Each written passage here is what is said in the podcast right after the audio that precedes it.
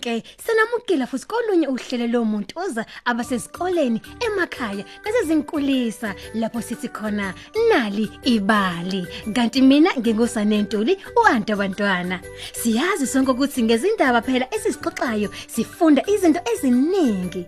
Bheka nje indaba namhlanje ikhuluma ngengadi kaMandisa. Mhlawumbe nawe mngani wami unayo nje eyakhe ingadi ekhaya. Kwazi bani? Sondelani nokeke kumsakazo wenu. Nize uanti ethi nali ibali.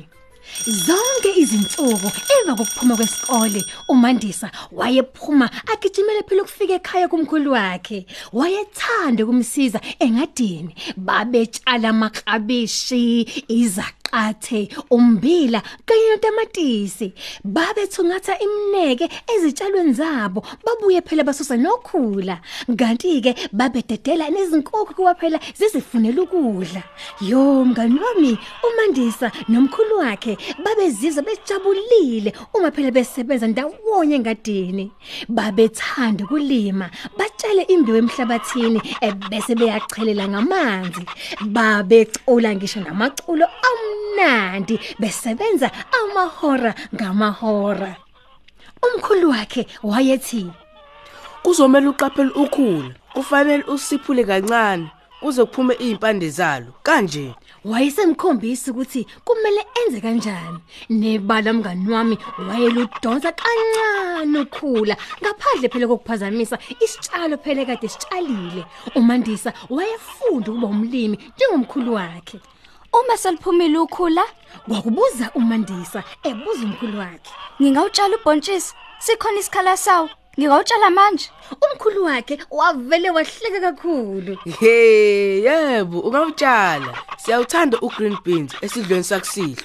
wabe semkhombisa isikhala lapho phela kade engatshala khona ubhontshisi wakhe Ingadi yakho ke le. kusho umkhulu kaMandisa wamkhombisa nanokuthi kuhalwa kanjani kanye phela nokususa amatshe amakhulu wabe semnikeza imbewu uMandisa wayekuthanda ngempela ukutshala abuke futhi agijimele empompini nebhakede lamanzi. Afika nisele lapha kade sitshale khona ubhontshisi wakhe. Wayeqinisekisa ukuthi izinkukhu azisondeli nakancane embewini yakhe lapho ekade etshale khona. Wayelinda ukuthi ubhontshisi ukhule. Nakempela ukuthi njalo ekseni uMandisa wayelungiselela phela ukuya esikoleni ukuthi ntambama aphume futhi ngejubane alibangise ekhaya ukuyobona ukuthi ubhontshisi wakhe ukhula kangakanani.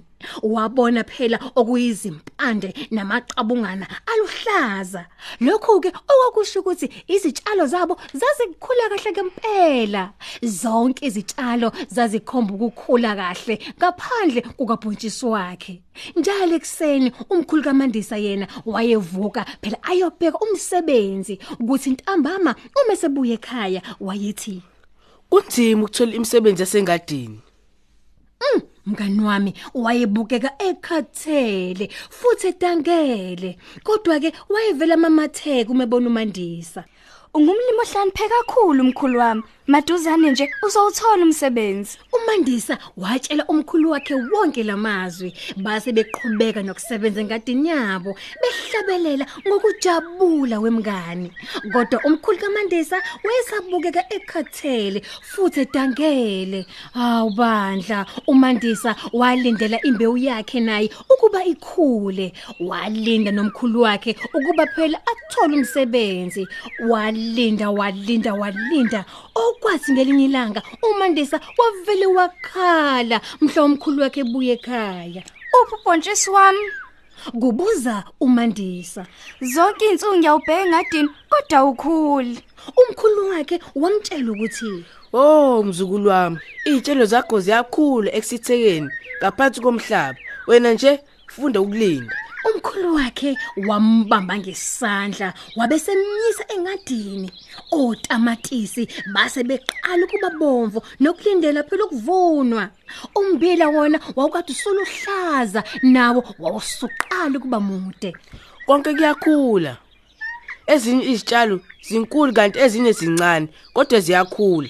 kodwa ubhontshisi wakhe wawuthatha isikhathi eside ukukhula kanti uMandisa wayesekhathele ukulinda Oh cha, ay. umandisa wakhohlwa ingadi yakhe impela santo yonke kwathi ke mngani wami emva kokuphuma kwesikole ngomsombuluko umkhulu wakhe wayemlinde esangweni wayenokumamatheka okukhulu ebuseni bakhe umandisa wagijimela kumkhulu wakhe Nginesindaba ezimnandi mzukulu wami.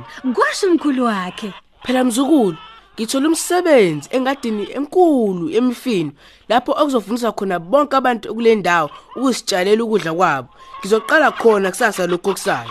Yes, ya mngani wami. uMandisa wamanga ngenjabulo umkhulu wakhe. Bobabili babejabulile. Bangena endlini becula.